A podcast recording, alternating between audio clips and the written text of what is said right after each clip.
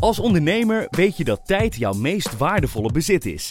Weet je ook waar je altijd te weinig van hebt? Inderdaad, tijd. Maar daar komt vandaag verandering in. Stap nu over op Teamleader Focus. De gebruiksvriendelijke bedrijfssoftware die CRM, facturen, offertes en projectmanagement samenbrengt op één overzichtelijke plek. Zodat jij meer tijd hebt om te doen waar je echt goed in bent. Tijd om te ondernemen. Teamleader. Kijk op focusopjebedrijf.nl. Deze podcast is mede mogelijk gemaakt door Obam Investment Management. Al ruim 85 jaar Nederlandse beleggingshistorie met beleggen in aandelen wereldwijd. Ervaren, actief en met een duurzaam rendement investeren in uw financiële toekomst. Obam Investment Management, de kunst van het kiezen. Kijk op obam.nl voor meer informatie. Nou, ik vind het oprecht heel lastig. Tegelijkertijd hebben wij dan de luxe dat we al een huis hebben. En die kunnen dan, ondanks dat de prijs wat gedaald zijn, eh, waarschijnlijk met een vette winst verkopen. Maar ja, die overwaarde heb je ook weer heel hard nodig om een volgend huis te kunnen kopen. Dit is Kwestie van Centen. Een podcast van de Financiële Telegraaf met Martin Visser en Robert Ophorst. Heb jij een elektrische fiets, Martin? Zeker niet. Nee, nooit Nee. aan gedacht? Nee, Geen behoefte? nee. nee mijn dochter moet iedere dag eh, drie kwartier fietsen naar school. En die zit ook gewoon op een normale fiets. Die klaagt er ook niet over. Nee, nee ik, ben heel, ik ben heel ouderwets in die dingen. Ja, het rare is, het is ook wel een beetje gek. Want ik woon aan de andere kant van de stad. We zitten hier, het kantoor, eh, redactie, eh, helemaal in West. En ik woon helemaal aan de Eh, oostkant. De, de stad is Amsterdam. Even voor Ja, dus, ja. Amsterdam. Ja. En ik heb in het verleden wel eens af en toe hier naartoe gefietst. Dat kost me ongeveer 50 minuten. Maar dat is meer een soort sportieve inspanning dan dat het nou normaal woon-werkverkeer is. Dus daar is precies die e-bike heel geschikt voor. Maar ik, ik heb iets tegen e-bikes en nu ga ik met de auto. Ja, dat, Ook is een beetje dubbel, ja. dat is ook een beetje raar. Ja. Dus, nou, maar, maar ik ben zo principieel dat ik dus eh, ik moest, liever eh, met de auto dan... ja, eh, ja. Ik moest naar, naar de middelbare school ook iets van zeven kilometer heen en terug fietsen. Dat vond ik dan toch wel vaak vervelend. Hmm. Maar nu ben ik inmiddels op zo'n leeftijd dat ik fiets omdat ik het gezond vind. Ja. En eh, nou ja, nog een poging doe om niet eh, al te veel dicht te slibben. Ja. Maar wat eh, ik, ik vraag het natuurlijk omdat we deze week het drama van Moof zich zagen Ja. voltrekken. Moeten we ons nou rouwig zijn om het verlies van een mooi Nederlands bedrijf? Of is dit gewoon een, een slecht bedrijf wat terecht in de problemen is gekomen? nou, dat klinkt ook Een slecht geleid bedrijf, laat ik zo zeggen. Dat klinkt ook wel heel cru, cru. Een slecht geleid bedrijf dat terecht in de problemen is gekomen. nou, die, die neem ik niet voor mijn rekening. Maar het is wel, zeker achteraf, misschien ook wel voor de kennis vooraf gezien, eh, verklaarbaar waarom het mis is gegaan. De ambities waren te hoog en ze wilden alles helemaal zelf doen. En eh, ja, dat doen niet zoveel fabrikanten, eh, begrijp ik. Die werken natuurlijk heel vaak, hebben misschien wel allemaal eigen designs, maar die werken wel gewoon met universele elementen. En, maar dit is allemaal, alles is van MOVE tot de app aan toe en het slot en weet ik allemaal en alle onderdelen. Daarom is iedereen die zo'n fiets heeft, zit nu ook in de penarie van wat nu. En de ambities waren geloof ik een miljard fietsen verkopen in de wereld. Ja, nou, het is natuurlijk hartstikke ja- jammer voor die broers die dit, zijn, die dit hebben opgericht. Maar dit was kansloos. En dat werd om die reden, omdat het te eigen was, was er ook geen mogelijkheid voor overname, financiering. Nou goed, er wordt nog aan de doorstad gedacht. Maar de grote partijen hadden geen interesse om de, om de boel over te nemen. Omdat het op geen enkele manier te integreren was bij wat ze al zelf in huis hadden. Ja, dan Misschien begin je ook Ja. niet altijd een bedrijf met de gedachte, of misschien ook wel, eh, dat moet jij maar beantwoorden, met Ja. het idee van dit is misschien op termijn over te nemen. Nou, dat hangt er vanaf. Kijk, sommige eh, mensen die hebben gewoon echt een baanbrekend idee en willen dat vooral zelf uitvoeren. En dan, dan blijkt later dat het heel lucratief is op een zeker moment als die eerste fase geweest is om dan te verkopen. Er zullen ook ondernemers zijn die misschien van meet af aan eh, de hoop hebben dat ze iets gaan opbouwen wat te verkopen is.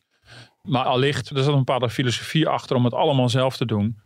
En logisch dat je niet meteen denkt, we moeten iets optuigen wat later over te nemen is. Maar dat is nu wel, ja, je ziet dus wel, daardoor is het niet meer te redden ook. Dat maakt het ook wel tragisch. En verder, ja, heel veel mensen hebben natuurlijk die verhalen op onze site heel goed gelezen. En dat zal voor een heel klein deel van Mo-features zijn. Maar ik ben toch ook bang ja, dat er ook heel veel mensen dat eh, hebben gelezen. eh, ja, ook een beetje met, met dubbele gevoelens. eh, iets van, ja, Leedvermaak? ja, leedvermaak, eh ramptoerisme, ja, zoiets. Mhm. Eh, omdat er voor mij, eh, ondanks dat de e-bike eh, inmiddels geloof ik bijna de helft van de verkoop van fietsen beslaat, dat ook enorme e-bike haat, is in, in het Ja. land. Ja, ik zat En dat richten zich allemaal nu op Van ja, Moof. Ja, dat had iets hooghartigs misschien of zo, de Van Moof gebruiker. Maar ik zat ook over na te denken, dat komt misschien ook, ja, ik heb zelf nog nooit op een elektrische fiets gezeten. Heel veel mensen die nu zitten te luisteren waarschijnlijk wel.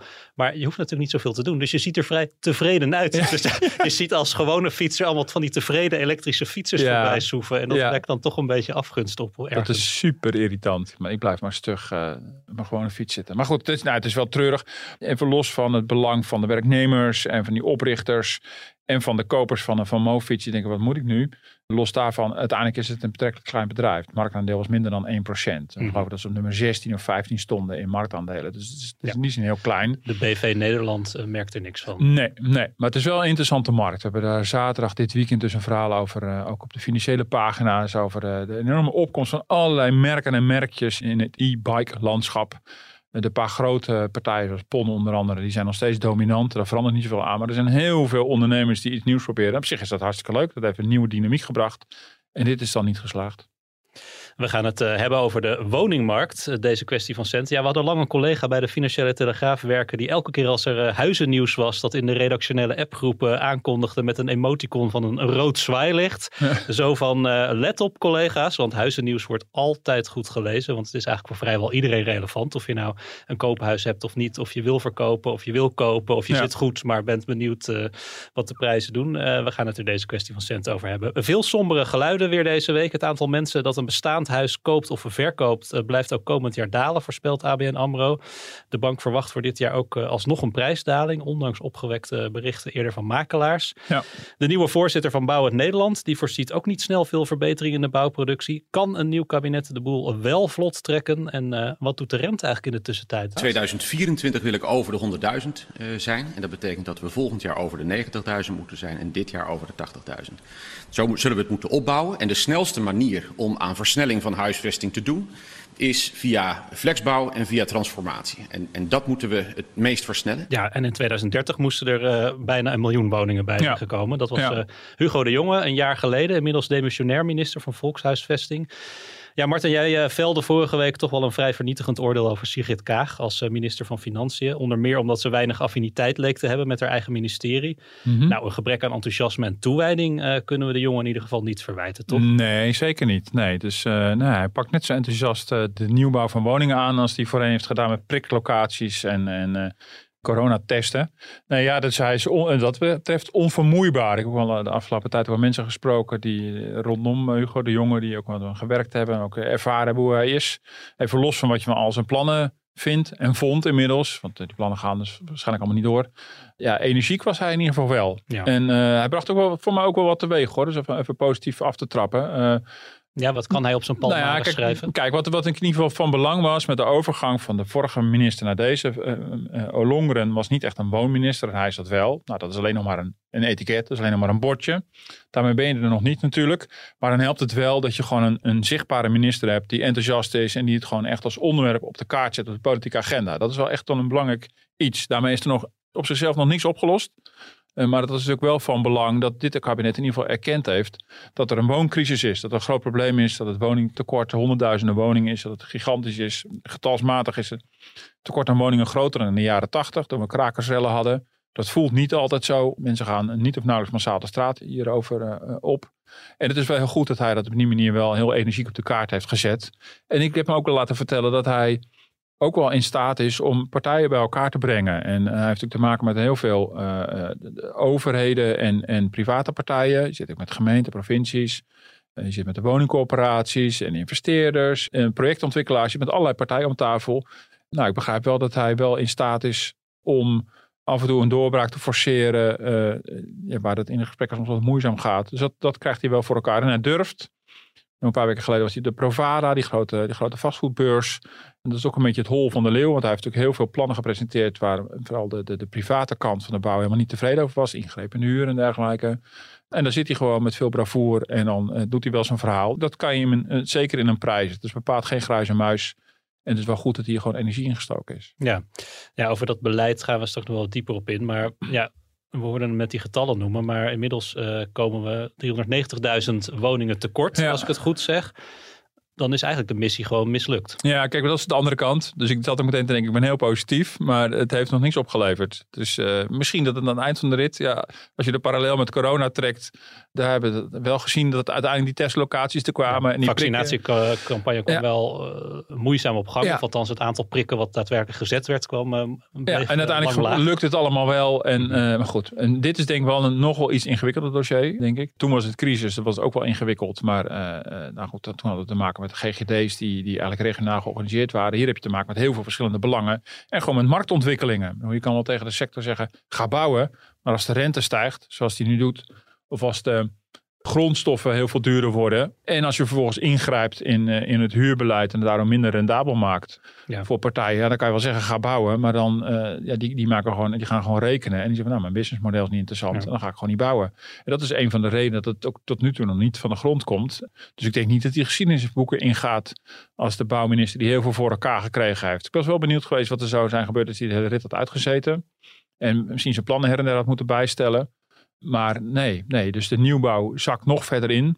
Ja, en nu is, ontstaat natuurlijk grote politieke onzekerheid over het bouwbeleid. Nu het kabinet demissionair is. Ja, ja, even over die inzakkende bouw. ABN AMRO had deze week de, de woningmarktmonitor. Ja. In de twaalf maanden tot en met mei 2023 gingen 7% minder bestaande woningen van de hand dan in het jaar daarvoor. Ja. En de vooruitzichten zijn ook allesbehalve gunstig, schrijft de bank. Want de bouw van nieuwe woningen stokt. Toch, en we hadden een stuk of 35 van die woondeals, uh, als ik me niet vergis. Uh, waarom blijft dat dan toch stil liggen? Nou, dat komt ook omdat die woondeals zijn natuurlijk voor de langere termijn. Uh, minister Olongeren is al begonnen met die, met die regionale woondeals. En, en Hugo de Jonge heeft, heeft dat verder ingekopt. En dus, dat ligt echt per provincie vast hoeveel nieuwe woningen er moeten worden gebouwd. Maar ja, dat is een traject over vele jaren tot en met 2030. Ja, dit is natuurlijk iets wat hele lange aanlopen kent. Vandaar ook dat bijvoorbeeld ook uh, vaak gezegd wordt, ja, je bedoel, die woondeals is leuk, maar je moet ook kijken van hoe snel gaat de vergunningverlening, hoe, gaat het, hoe snel gaat het toewijzen van grond. Ja. Uh, dus die hele besluitvorming vooraf, als dat heel traag al verloopt, en dan kan je prachtige woondeals hebben, maar dan staan die huizen er voorlopig nog niet. En nu werken de marktontwikkelingen ook nog eens een keer ja, tegen. Het komt ook niet meer uit altijd. Nee, dus in die zin uh, is het natuurlijk niet heel gek dat hij niet meteen stand te peden in het lopende jaar dat dan voor elkaar heeft gekregen. Dus hij heeft ook te maken met het falen van het vorige kabinet. En ja, dat kan je niet ogenblikkelijk keren. Alleen ja, alle seinen staan wel op rood. Ik bedoel, het gaat wel de verkeerde kant op. Dus je had wel gehoopt dat er iets van groei in zou zitten. En dat is er dus niet. Sterker nog, het, uh, door alle voorspellingen laten zien. En als je kijkt naar het aantal afgegeven bouw, bouwvergunningen, zie je dat ook. Ja, dat de nieuwbouw juist verder inzakt en steeds verder wegraakt van die 100.000 per jaar die we nodig hebben. Dat heeft grote impact. ABN AMRO voorspelt inderdaad ook dat het aantal transacties, het aantal huizen dat verkocht gaat worden, ook volgend jaar dus weer iets verder gaat dalen, mede hierdoor. Dan, en dan valt de boel wel stil. Ja, dan valt dus uh, doorschuiven. Dan heb je zo'n treintje op de woningmarkt, waarbij mensen in een andere fase van hun leven weer doorschuiven naar een andere woning. Dat weer nodig is om starters weer ruimte te geven.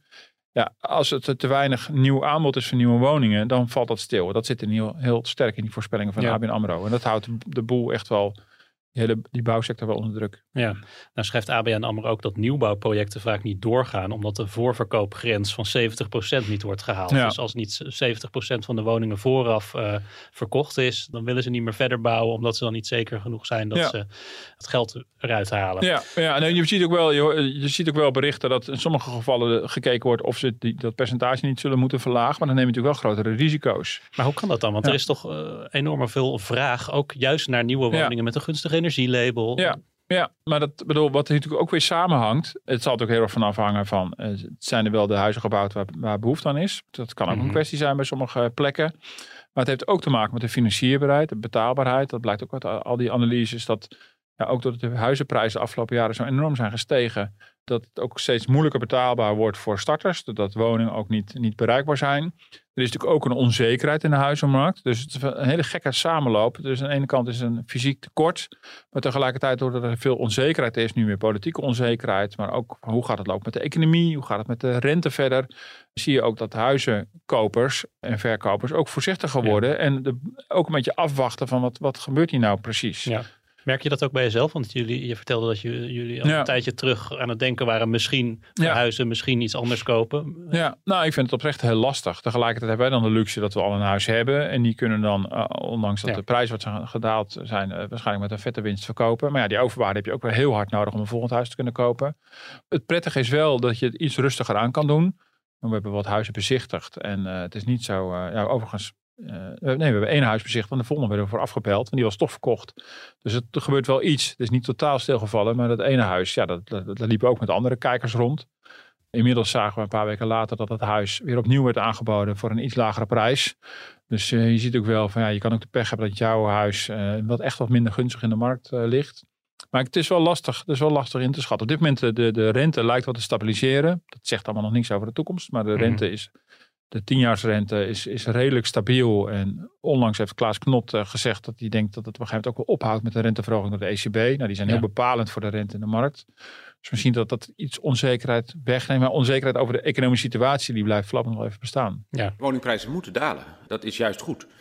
Juist de zorg is, gaat het eigenlijk wel snel genoeg. Want die rente die is gestegen.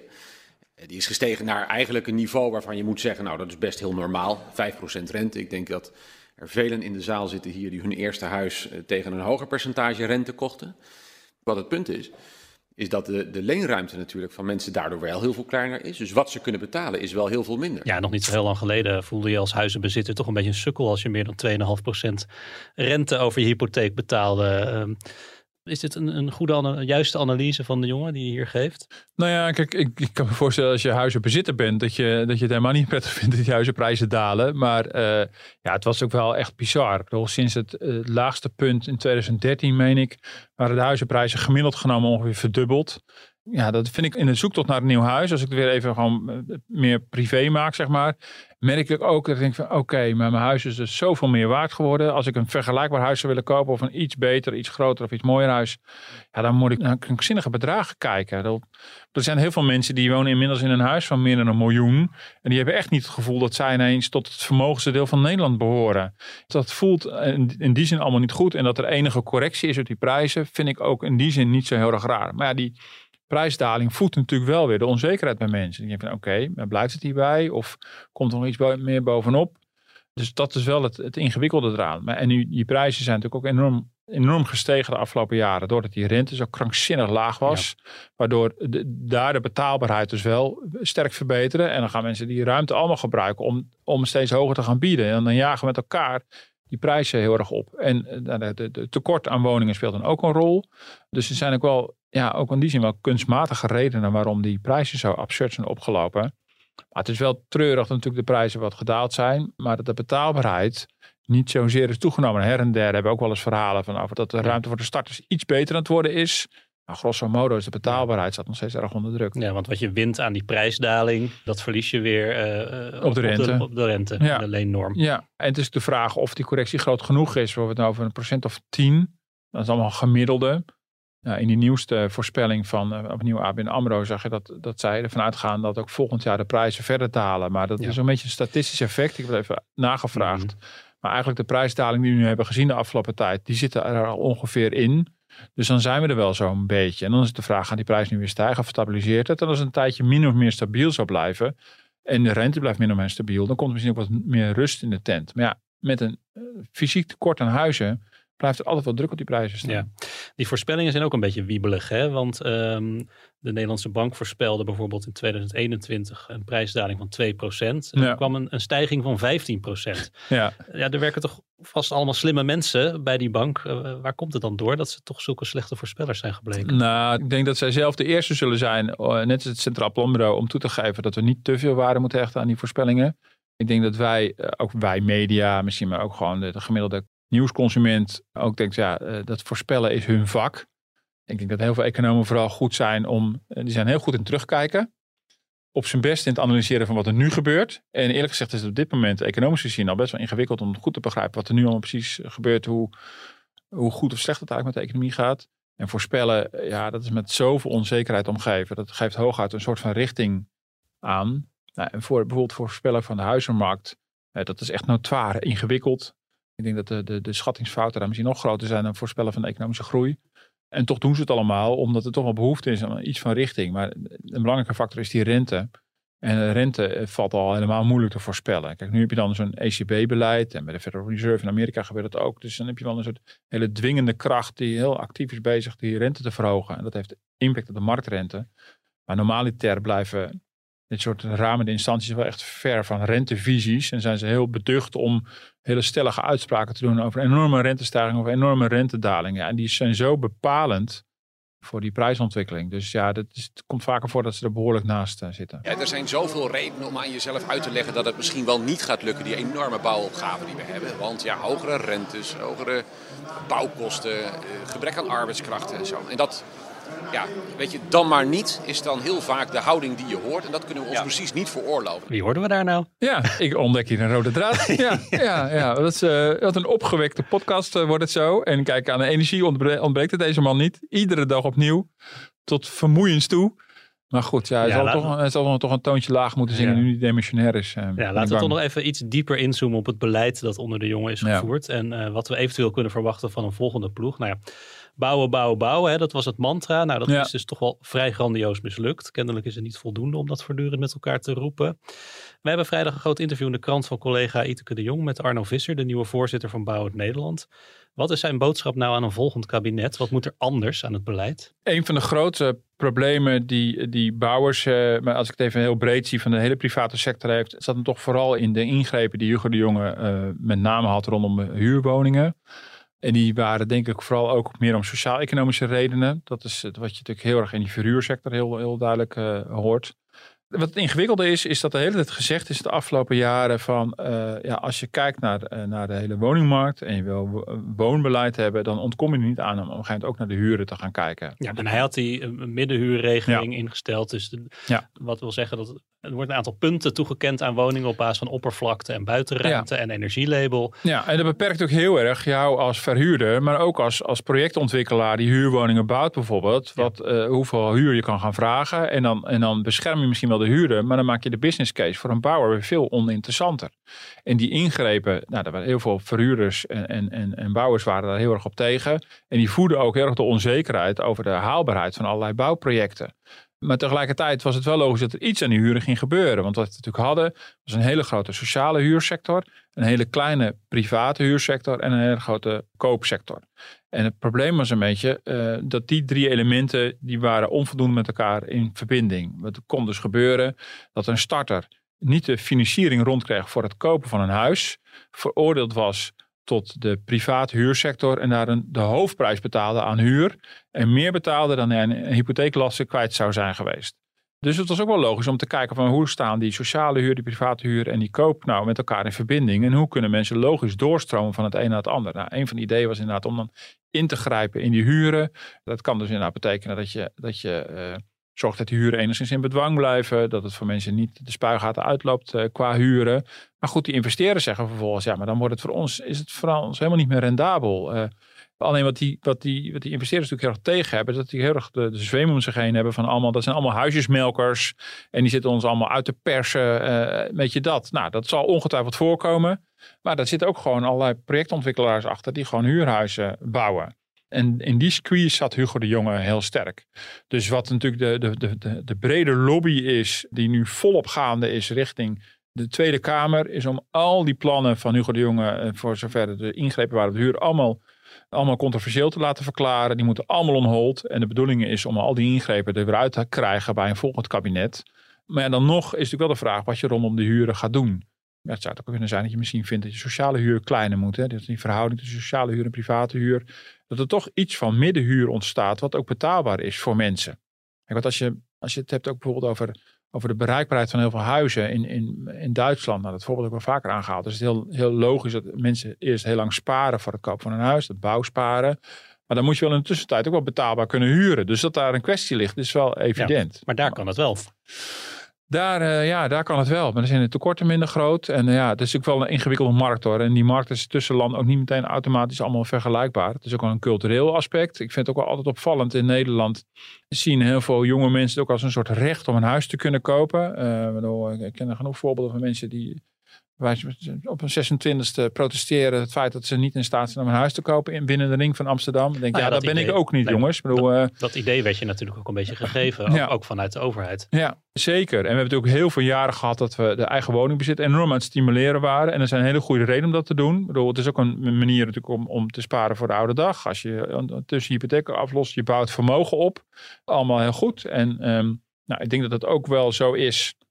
Onderzoek wijst er wel op dat het ook gewoon maatschappelijk gewoon gezien goed is dat er grote delen in, in bezit zijn van mensen. Omdat eh, de- de- een eigen huisbezit, daar ga je toch weer anders mee om met zijn huis dan een huurhuis. Dus het zijn allemaal best wel belangrijke politieke maatschappelijke redenen om, om eigen huizenbezit te willen stimuleren. Maar de vraag is of de verhoudingen tussen die drie markten die schetsen, of die wel helemaal logisch zijn. In heel veel landen zijn die dus anders. Maar dat betekent dus ook dat je zou accepteren dat mensen pas op latere leeftijd een eerste huis kunnen kopen. Ja, dat is een beetje strijdig met de Nederlandse cultuur. Ja. Ehm, hoe kunnen we nou deze padstelling doorbreken, denk je? Iemand moet toch eigenlijk bewegen, of misschien moeten we allemaal eh, een Ja. beetje bewegen. De provincies, de gemeente, het, het kabinet, de, Ja. de bouwers, de verhuurders. Ja. Waar zit Ja. ruimte? Ja, nou, ik, wat ik denk het grootste dilemma is, is hoeveel, hoeveel publiek geld willen we hier tegenaan gooien? Want dat heb je natuurlijk ook nog. Hè? Ik bedoel, als je op een gegeven moment het ziet, er is een, een algemeen maatschappelijk belang dat er voldoende huizen worden gebouwd. Eh, maar er is een aarzeling bij de partijen om dat te gaan doen, omdat er of te grote economische onzekerheid is, of omdat ze niet zeker weten dat projecten rendabel zullen zijn. Ja, dat kan je natuurlijk oplossen met, met subsidies en financiële middelen. Ik ben er wel wat aarzelend over, omdat het natuurlijk wel heel makkelijk wordt voor al die private partijen om een handje op te houden. Maar ik denk dat je er ook weer niet aan het ontkomt, omdat het natuurlijk het is echt een groot, breed maatschappelijk belang. We om- huisje, huisjes, een miljardenfonds voor de huisjesmelkers? ja, nee, dus dan krijg je dat al helemaal niet. Maar eh, ja, dat af en toe her en der de overheid een financieel zetje zou moeten geven, eh, dat is natuurlijk van belang. Nou, dan heb je nog de hele kwestie, daar hebben we het nog niet, echt over gehad, is natuurlijk het dilemma waar zet je die huizen dan neer? Dat speelt natuurlijk ook tussen die verschillende overheden, de- de- het Rijk, de gemeente, de Ja. provincies. Eh, bouw je in het groen of binnen Het gemeentegrenzen? Economisch Instituut voor de Bouw zegt al een tijdje, een straatje erbij. In elke dorp, in elke dorp en in elke stad gewoon één Ja. straat eraan bouwen. En dan ben je klaar. Ja, nou, dus in, in, in- op allerlei lokale niveaus zijn er heel veel discussies over. Mag je het dan bouwen in dat ene weiland of niet? Of moet je dat allemaal binnen de gemeentegrenzen houden? De jongen wilde geloof ik vooral binnenstedelijk bouwen. Ja. En dat werd hem ook wel een beetje verweten. Ja, kijk, de en de bouw- vraag is ook nog een beetje, we willen heel graag een woonminister, maar zijn we dan ook bereid om die dan ook het regie te laten nemen? En dus af en toe beslissingen te nemen over de hoofden van al die partijen heen. Want dat is dan wel de consequentie. Dat was altijd mijn aarzeling bij zo'n woonminister. Ik denk van, dan zijn de rapen ook gaar. Dan heb je een minister die ingrijpt en die op een gegeven moment doordouwt. Maar in die richting zul je toch soms moeten gaan. En ehm, ja, ik moet toch een beetje denken aan de tijd van... ehm, van de grote Finex-locaties en dergelijke. Op een gegeven moment moet het toch op een centraal punt worden geregisseerd. Van ja, weet je, we komen nu fysiek zoveel tekort. Daar moet je toch wel naar gaan kijken. eh, dat er gewoon vanuit Den Haag zoveel mogelijk in samenspraak met andere partijen wel gekeken wordt. En dan moeten we hier uitbreiden, daar uitbreiden. Dan wordt het toch wat planmatiger. Ik denk dat je daar niet aan ontkomt. Dan wordt het iets meer gepland. En dan nog moet je die markt wel steeds weer zien te verleiden om ook die investering te gaan doen. Want daar ben je natuurlijk volstrekt van afhankelijk. En dan denk ik dat, dat de plannen van, van Hugo de Jonge met eh, de ingreep in de huur misschien altijd driest waren. En dat klonk allemaal heel stoer en energiek. Maar als je dan de marktpartijen kwijtraakt en die gaan gewoon niet meer bouwen, dan, dan, dan ben je nergens. Dus daar moet wel opnieuw heel kritisch aan worden gekeken. Ja, de rondvraag. Ik eh, was eerder deze week met mijn eh, zoontje naar babygym. Ik noem het even babygym, maar het was eigenlijk dreumenschim, want hij Oh is ja. elf maanden. Maar dat is dan een, een, een, een grote gymzaal, particulier, met eh, allemaal felgekleurde matten en toestellen. En Hmm. dan kunnen die, eh, die kinderen daar eh, helemaal losgaan en eh, met, met oefeningen onder begeleiding van een paar zogenaamde gymdocenten. Stelt allemaal niet zo heel veel voor, Hmm. maar het, het, was gewoon leuk. Alleen hij kan net staan Ja. nog niet lopen, maar hij kruipt overal op en onder. Maar er hingen daar al kinderen aan ringen en er liepen kinderen onbegeleid over balken. Dus ik dacht wel, ja, we moeten wel onze, we moeten wel eens een game upsteppen, jongen. Ja, wel lachen. Maar ja, tot hij aan zo'n ring hangt en je denkt van, oh, als je maar niet uitvalt. Ja, nou ja, ik, pro- ik probeer inderdaad een beetje zo'n vader te zijn die niet overal meteen achter gaat staan Nee. onder om hem op te vangen. En eh Ja, moet, af en toe ook een niet, beetje... niet, te veel, eh, niet te veel pamperen. Nee, ja. maar het was een leuk vader-zoon eitje. Ja, nou, lachen. Ja, nee, ik zit, ben een fase verder. Mijn kinderen hebben nu eh eindelijk zomervakantie van school. De ene van de basisschool. En de andere heeft nu voor het eerst een rapport van de brugklas gekregen. Ach, die is ja. helemaal... Ik Van de weet- ik week een, wel eh, mijn eerste brugklasrapport, ja. En die had van de week een eindfeest met school in de Melkweg. Oh dus, ja, eh, eh, Popzaal in Amsterdam. Ja, dat vond ze zelf heel... eh, mooie locatie voor heel- een eindfeest. Bij ons was het ja. gewoon in de, in de aula. ja, nou, bij ons ook hoor. We zitten ongelooflijk. Dus, uh, maar wel nee. een mooi rapport of uh, slaapt Ja, nee, een heel mooi nu, rapport. Mag er nu iemand een Ja. week geen tv kijken? Nee, nee, nee, heel, heel mooi rapport. Nee, geen klagen. Ja, zo'n ijverig meisje. Ja, heel, heel ijverig. Dus uh, nee, een heel, heel mooi rapport. Ik weet niet of ik het zelf beter deed destijds. Ik geloof het niet. Maar, nee, nee, hartstikke goed. Maar echt wel een leuke fase ook. En nu is even de rust van de zomervakantie. Ja. En even geen boterhammetjes smeren. En, wel het lerarenrooster op orde. Want we openden deze week de krant met dat heel veel scholen nog het rooster niet rond hebben. En het waarschijnlijk ook Ja. niet rond gaan krijgen. Met Nou, voor zover ik zag, onze basisschool, eh, daar gaat maar zo nog één jaar naartoe. Eh, daar was het weer allemaal rond. En de middelbare school weet ik dat eigenlijk niet. Geen idee. Ja, daar hoor je altijd veel minder van dan van zo'n basisschool. Dan is de afstand ineens veel groter. Maar eh, voor mij gaat het helemaal goed komen. Dus ik denk dat we gunstig zitten. Nou, leuk. Martin, dankjewel en tot de volgende. Tot volgende week.